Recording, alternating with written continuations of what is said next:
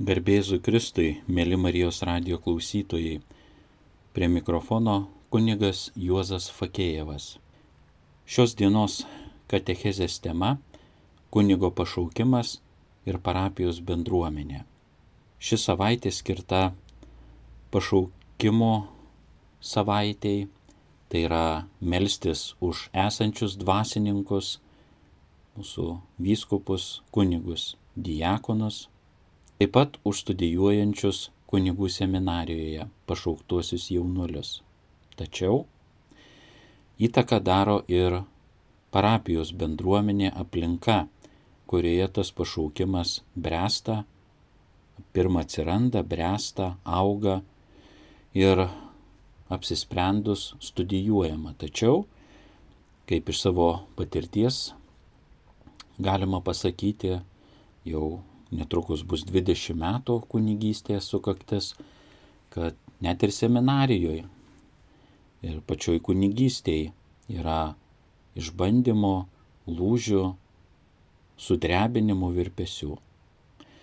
Kviečiu šį laiką skirti pamastymui ir sudėlioti tam tikrus akcentus, kad dabartiniam laikmetė tai yra kai esam laisvi savo tikėjimo, galimybę bendrauti su dvasininkais, netgi nesvarbu, jog užpuolė karantinas, apribojimai, tai galime turėti ryšį, bendrystę virtualiai su savo dvasininkais, su palydėtojais, užduoti klausimą įvairią formą. Galų gale pats popiežius mūsų jau brandžiam amžiuje, gerokai virš 80 turi savo Twitterį ir jis mielai irgi bendrauja, rašo, atsakinėja, bando būti naudingas. Vienas tyrimas parodė vakaruose, apie kunigų buvo sprendžiama ir daromos išvalgos po to tyrimo, tai brandimą. Ta tyriamųjų grupę sudarė apie tūkstantis dvasiškių taip pat e, šalia to apklausinėjo dar apie 500 asmenų, tai vyrų ir moterų, kurie turėjo galimybę artimai pažinti kunigų gyvenimą, jų užkulisius, prisiliesti, taip pat būti nemažai laiko. Taip pat e, tame tyrime, tarp kitų dalykų, rūpėjo rasti kunigų bendras charakterio ir elgesio savybės. Ir tyrėjai po šio tyrimo susistematizavę, iškristalizavę, išskyrė dvasiškiams keturis būdingus bruožus - maldą, darbą, glaudų ryšį su bendruomenė ir tarnystė kitiems. Matome, kad e, iš tų keturių dalykų, kuriuos atsakė dvasininkai tyrime, vienas svarbus - glaudus ryšys su bendruomenė ką mes vadinam parapiją tikinčiaisiais. Vėliau prie to buvo pridėta dar Švento Benedikto regula, tarsi sutapatinant, ieškojant sąlyčio taškų, buvo dar rasta dešimt elementų, kurie tiktų dvasininkams. Tai malda, darbas, bendryje, tarnyba, dėmesys fiziniams poreikiams, pusiausvyra, saugumas tikrumas, tvarka, mokslas mokymasis ir grožis. Ir pagal šitą tyrimą dvasiškiai, kurie buvo apklausti, buvę yra kuklus ir gana santūriai vertino savo laimėjimus. Taip pat tyriai pastebėjo, kad dvasininkai tokie turi sveiką humoro jausmą ir buvo pakankamai lankstaus charakterio. Taip pat jie įsiskyrė drausmingumo ir tikslo siekimo. Tačiau labiausiai nustebino gerąją prasme, kad jie, tie dvasininkai, spindėjo patraukliu žmogiškumu. Ir jie patys stipriai akcentavo sumanios sielovados ir intelektualinio bei dvasinio augimo būtinumą. Norėjau pateikti bendrą įžangą, kad kunigai yra žmonės kilę iš tų pačių visuomenės šeimų, sakytume, mūsų Lietuvos krašto, augę, buvę vaikais, paaugliais, jaunuoliais, domėjęsi, įsimylėję, nuliūdę, nusikaltę, siekia tikslų, ieškoja žmonės, vieni iš mūsų. Ir vieno iš Lietuvos kunigo mamos mintis, kai sako, pasiklausiau iš netikinčiųjų ir atitolusių galbūt nuo bažnyčios, kokį norėtų matyti kunigą, kad jis turi būti aklas, kurčias, nebylys, suplyšusi sutana ir net su dviračiu be rato. Bet keičiasi laikai, galbūt tai vyresnės kartos mama buvo ir anksčiau girdėjo, dabar yra kitoks ryšys.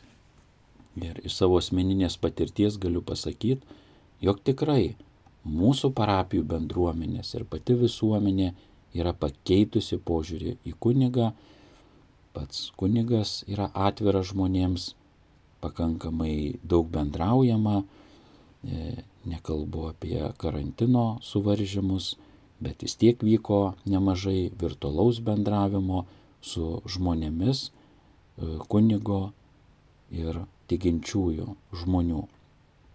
Prisiminkime pagrindinės gairias, e, kam kunigas reikalingas arba kokie pagrindiniai jo dalykai ir ta pati įtaka bendruomenės.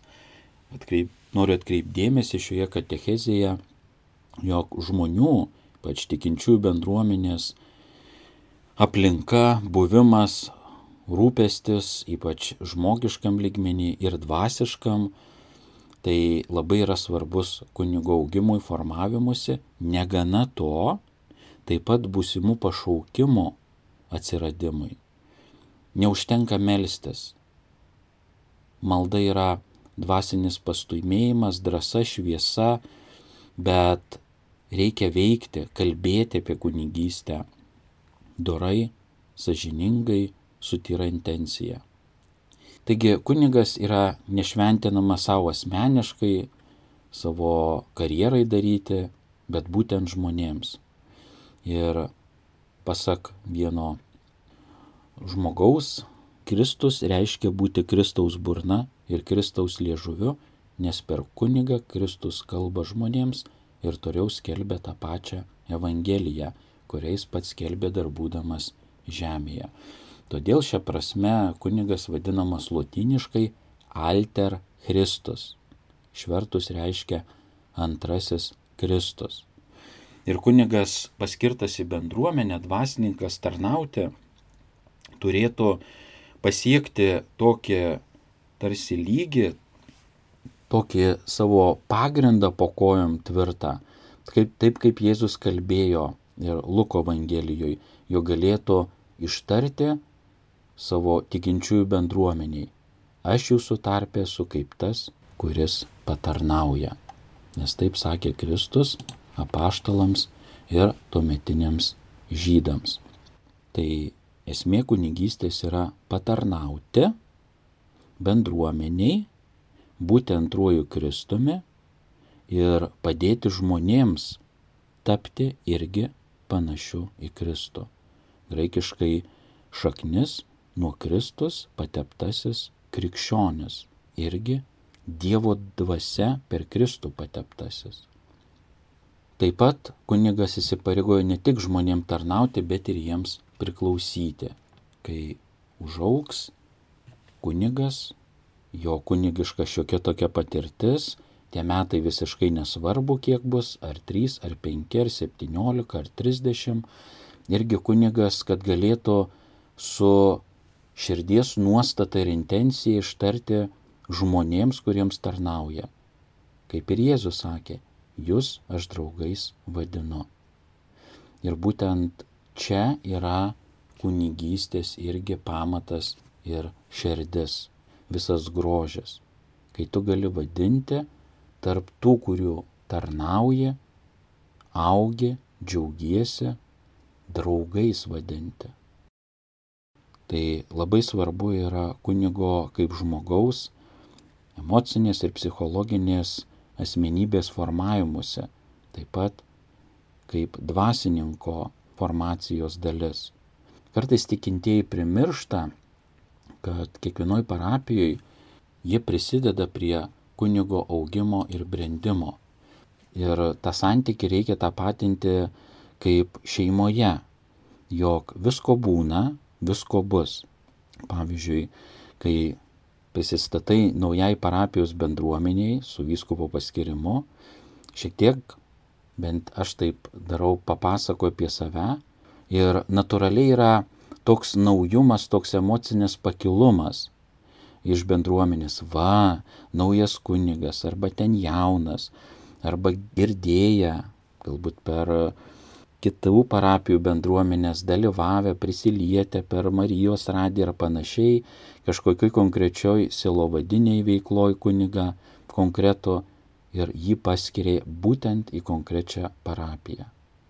Žmonės tokiam pakilime, pike, bet aš jiems sakau per prisistatymą, taip, malonu, kad jūs priimat, džiaugiatės, didžiuojatės manimi, bet tai pasitikėjimo į ateitį avansų kreditas, tačiau aš esu žmogus, pamatysit ir mano žmogišką silpnumą.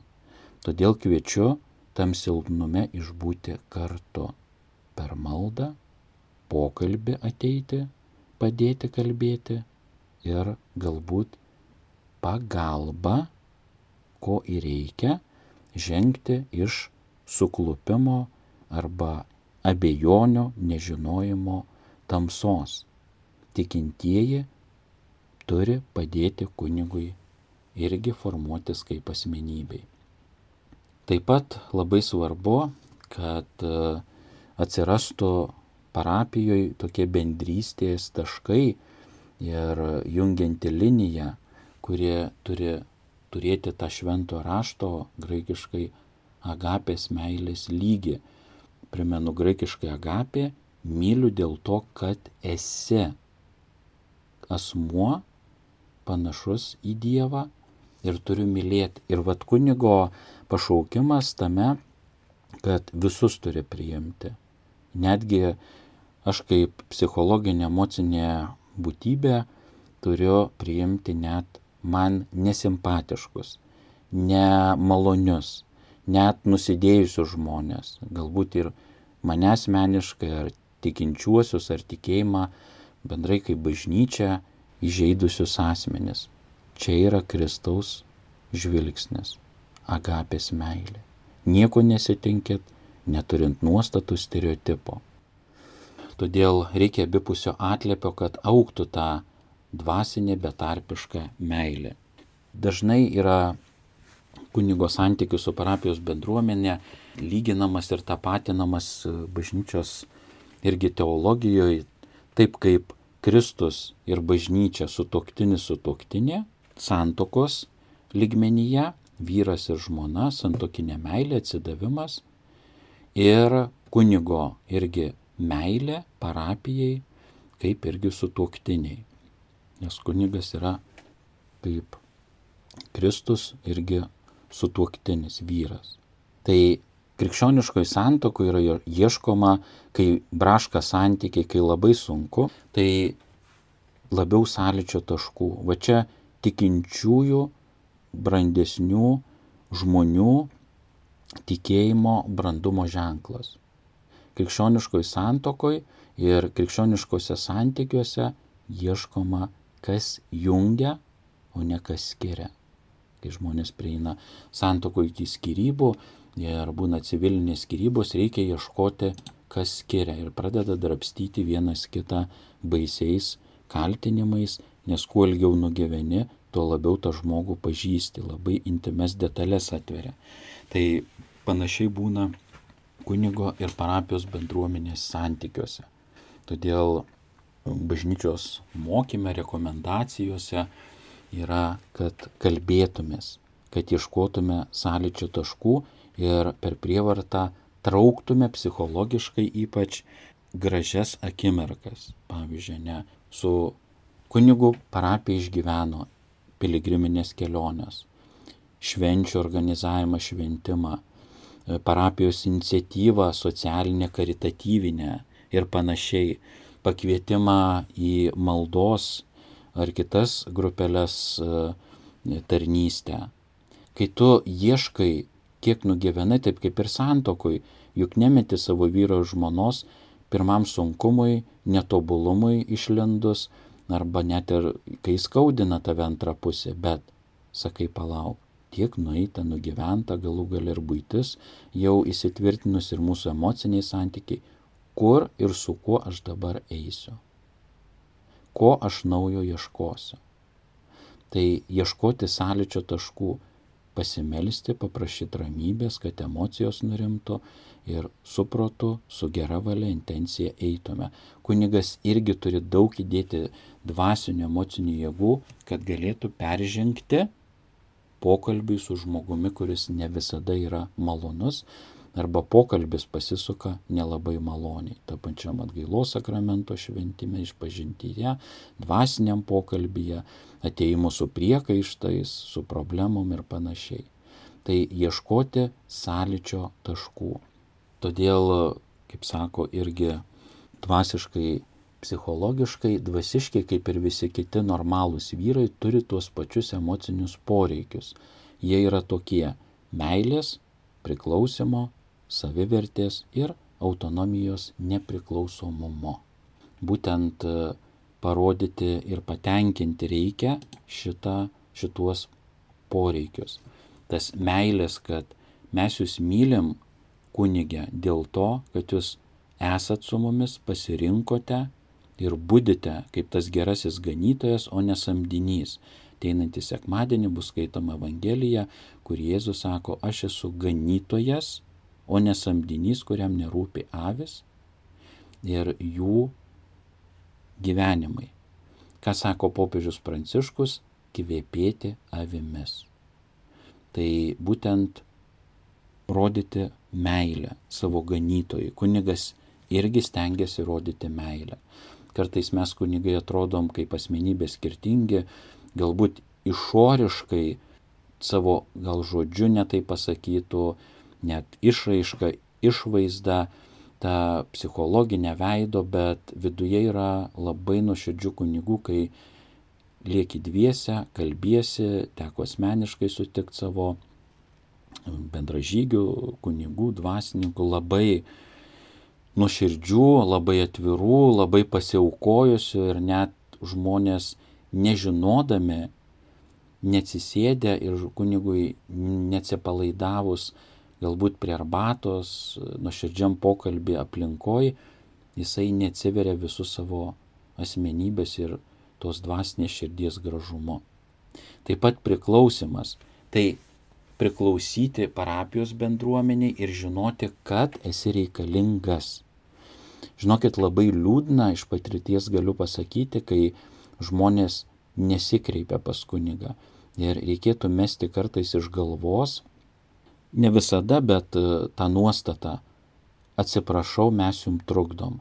E, turiu tokią iš vyresnio kunigo patirtį, būdamas seminaristas, jaunuolis. E, sako, atsimink, jeigu žmonės kreipsis, visada galėsi atidaryk duris, atsiliep telefonu arba netgi parapijos kažkokį reikalą, net prabėgant pro šalį, sustok ir skir keletą akimirkų žmogui, kuris atėjo, pasitikėjo ir ieško tavęs kaip kunigo. Tai pranešk, sako Juozai žmonėms, viešai pasakyk, jeigu kunigas atidaro duris, pakelia telefono ragelį arba sustoja ir kalba, nereikia teisintis ir bijoti, pasakant, atsiprašau kunigė, kad jūs trukdau. Kunigas jau sustojo jau atvėrė duris, jau atsiliepė telefonu. Ir žinokit, nėra didesnio džiaugsmo man kaip kunigų ir manau daugumai kunigų, kai tu jautiesi reikalingas. Tai yra priklausimo tas ryšys. Kaip smagu, kad tavo ganomieji kreipiasi tave ar pagalbos, ar patarimo, arba galų gale norėjimo, kad būtum su šeima, su kažkokia grupelė ir panašiai. Kitas dalykas - savivertė.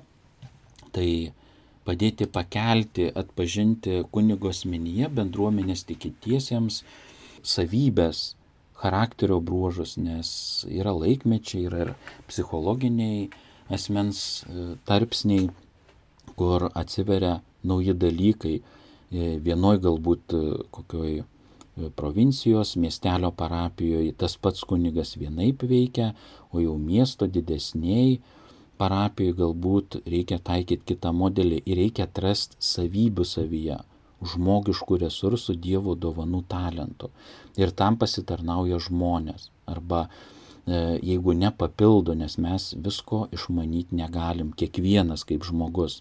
Kunigas irgi yra žmogus, ribotom galimybėm, tam tikrais talentais, dovanom, charizmom pagal Naująjį Testamentą, todėl tikintieji turi padėti arba atrasti, arba sustiprinti, arba patys imtis iniciatyvos su bažnyčios kunigo autoritetu. Ir tada kunigas turės savivertę ir parapija, žmonės turės savivertę.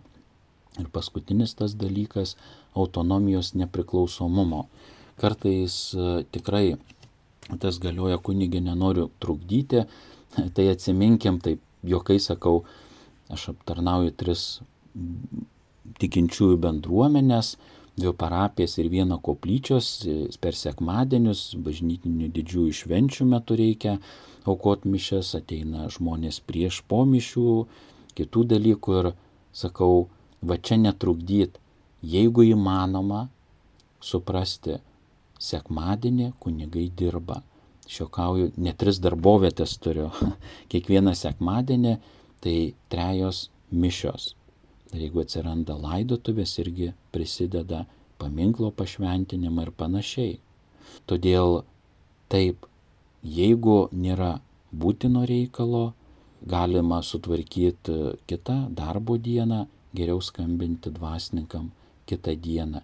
Ne sekmadienio, ne bažnytinių liturginių švenčių metu, bet kitą dieną e, darbo valandomis. Tada būna lengviau, nes natūraliai būna suirzęs ir sako, tai dabar klebonas piktai atsakė, kažkaip susierzinęs arba kažkaip netaip, nelogiškai, natūralu.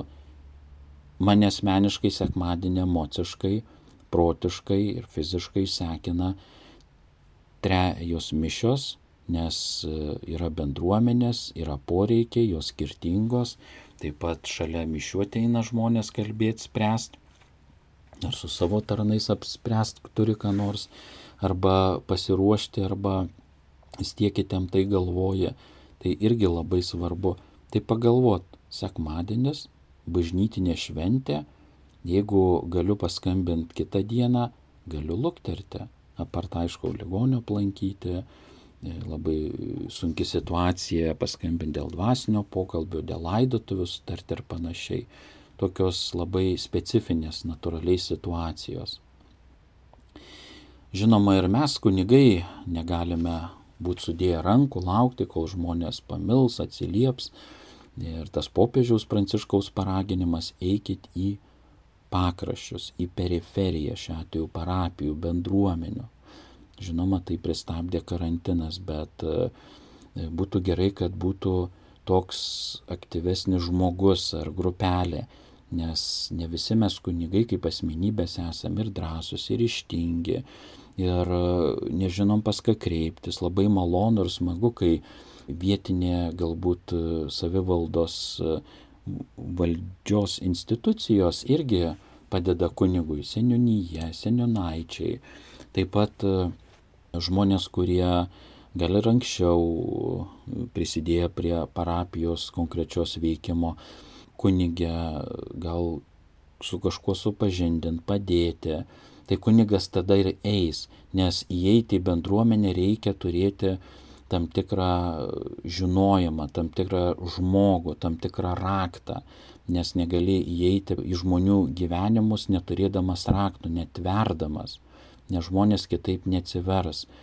Ir pavyzdžiui, dabar tas liaudiškai kalėdojimas, galima vadinti šiame amžiuje kitaip, šeimų, parapijų lankymas, susipažinimas, ką įpareigojo bažnyčios mokymas, tradicija, tai yra sunkiai vykdomas ir negalima to masiškai daryti. Kaip minėjau, mano patirtis yra trys, para, trys bendruomenės su parapijom, tas skaičius nemažas, tarnyščių, selovados, pastoracijos nemažai, todėl jau reikia įsidėlioti rečiau ir tas kalėdojimas pavadinimą savo turiniu praranda. Ir popiežius Pranciškus sako, neįsigaskime, mėly tikintieji, tos šalia liaudiškos pamaldumo tradicijos, krikščioniškos, katalikiškos tradicijos, kurias turėjom kažkada išnyks, bet atsiras naujos, kurios bus labai aktualios ir naudingos. Tai kalėdojimas ta dvasinė, pastoracinė, žmogiška prasme nepradingęs yra šeimų lankymas, namų laiminimas. Galima atskirai susitarti, nes e, eiti pagal sąrašą statiškai jau tikrai tai praradę naudingumą, nebent kur mažesnėse parapijose yra dar tradicija graži, to nereikia naikinti. Tai labai malonu, kai tikrai tada kunigas nesėdės rankų sudėjęs, jam bus aktualu susipažinti, pajusti, nes atėjus į parapijos bendruomenę kaip ir su gyvu organizmu, kaip su nauju asmeniu turi tą aplinką pažinti. Kuo gyvena, koks liudesys, skausmai, aplinka, e, visa situacija socialinė, ekonominė, net ir politinė ir panašiai. Labai gražiai vienas mūsų kunigas dėstytojas paliudijo, kai jį užsienio migracijai skiria į parapiją, jis sako, nuėjau į paštą tuo metu, čia vyko po antro pasaulinio karo, paklausti, kokie čia žmonės, ką man čia kaip kunigui daryti, elgtis, kad e, nesuklyščiau, žmonių neįžeičiau, nesupriešinčiau. Sako, pašto viršininkė pasakė, tu kaip ir visi, mokėk mokesčius. Mes ir nesupratom, sako tas kunigas iš pradžių. Irgi beteidamas mačiau ir sugalvojau, kad turėtų būti taip. Nepiknaudok žmonių gerumo. Būk tuo, kuo esi paskirtas kunigų ganytojų dvasios tėvo. Tas labai svarbu. Tai tiesiog su žmonėmis būk, gyvenk, dirbk, aišku, švesk, atlik savo pareigas. Tai labai gražus palinkėjimas, perspėjimas ir toks parodimas konkrečioj bendruomeniai krypties. Tai tas labai yra svarbu. Taip pat kunigai mes būna ir, kad nusiviliam čia natūraliai savo patirties, manau, dalis irgi tų dvasininkų, būdami jau nuo amžiaus, esame maksimalistai ir nematom greitų rezultatų. Pavyzdžiui, neliturgijų žmonės mišių galbūt nesigaudo, atsakymų nežino, arba galbūt tos reformos įvykę, formos pasikeitę, netaip daro, ypač vyresni, arba sustabarėję savo tikėjime manom žmonės čia yra natūralu, tačiau dar noriu pasukti kitų kampų apie kunigo nusivylimą, kai darai nuoširdžiai, atvirai, lik ir matosi tas darbas iš kunigo kaip ganytojo pusės, bet tokio atliepo nesigirdi ir supratimo bei bent jau padėkos, kad darote. Nes kiekvienas asmuo nori būti vertintas, kuris daro, kuris įsipareigojęs prisima atsakomybę. Tas labai yra svarbu. Pasakyt kunigė, gerai, ką darote, smagu, va pasikeitė tas, truputį išgirs, čia ne puikybės, čia ne panegyrikos reikalavimas, bet e, noras, kad būtų grįžtamasis ryšys. Tarp kitko, e, dabar, kai yra filmuojamos dalyje sekmadienio parapijų mišios dėl karantino, tai grįžtamasis ryšys yra homilijose, pamoksluose. Tai galiu pasidalyti patirtim, tik nereikia pult statiškai ir stačia galva vykdyti ir nepult savo kunigų klebono. Labai smagu, kai parapiečiai girdi kunigo pamokslą arba bendrai jo bendravimą viešai, gauna jisai atliepą. Pavyzdžiui, man užkliuvo ta mintis, aš jau buvau skaitęs. Arba atsiprašau, jūs netiksliai pasakėte kokią nors istorinę datą, faktą, galbūt iš kažkokios mokslos ryties, gal suklydo, gal iš spontaniškumo pasakė kunigas. Ir jūs įsivaizduokit, vad gerai prašau įsiklausyti, mėly tikintieji žmonės, kurie esat parapijų bendruomenėse. Jeigu jūs ar žinute, ar telefonu, ar kitą kartą susitikę pasakot kažkokį atlėpę apie kunigo homiliją ar pamokslą, vadinasi, jūs girdit ir klausot. Antras svarbus dalykas kunigui. Jeigu jūs girdit, klausot, jis vadinasi negali kalbėti bet ko. Jam reikia labai atsakingai ruoštis. Ką pabrėžė ir popiežius Pranciškus, kunigai turi atsakingai ruoštis homilijoms. Papasakosiu savo tokią patirtį ir linksmą ir rimtą vieno iš pirmųjų klebonavimo parapijos vietoje. Prieš tai klebonas, į kurio vietą buvau paskirtas, parapijoje buvo pradėjęs kaupti, tai buvo prieš kokią 15-16 metų, religinė literatūra, nes nebuvo virtualios erdvės, tiek e, socialinių tinklų, informacijos apie religiją, mūsų katalikų bažnyčią, visokiam temam. Ir ateina viena parapietė močiutė, netol 70 ir sako, kunigė yra biblioteka, žinau, noriu pasimti religinę knygą apie šventą raštą Bibliją. Kažką giliau, kokį komentarą, paaiškinimą, sako, aš jau kai ką paskaičius. Sakau, gerai. Ir aš jai sakau, va imkite vieno mūsų dėstytojo ir net švento rašto vertėjo, žinatilsi kunigo Antano Ropšio raktus į šventąjį raštą, į Seną ir Naują testamentą. Jis man sako, kad žinokit, klebonė, aš jau juos perskaičiau, man dar ko nors norisi, kito ir daugiau. Aš tada nutirpau, nuščiuvau ir paskui pradėjau galvot, mąstyt ir atsakingai ruoštis homilijoms pamokslams, kad bet ko kunigė, tu net ir provincijoje, tai buvo miestelio parapija, nepakalbėsi, nes čia vat žmonės skaito. Tai man buvo atliepas, supratimas ir atsakomybės kartelės laikymas. Jūs savotiškai parodysite, kad jums ne tas pats, ką kalba kunigas, ką aiškina ir net jūs jam padėsit aukti ir tobulėti. Tas labai svarbu. Todėl ir ši savaitė skirta priminti, melsti su savo kunigus tokie, kokie yra. Nežinokit, viskupai skiria ir gauna tai, ką jie turi, tai, kas atsiliepia yra iš mūsų dvasininkų, vyrukų, vyro. Ir žinot, vyskopas nenueis į kokią kunigų darbo biržą ir nepasirinks man tas, tas, tas su tokiom tokiom savybėm ir su tokiom kategorijom. Ne.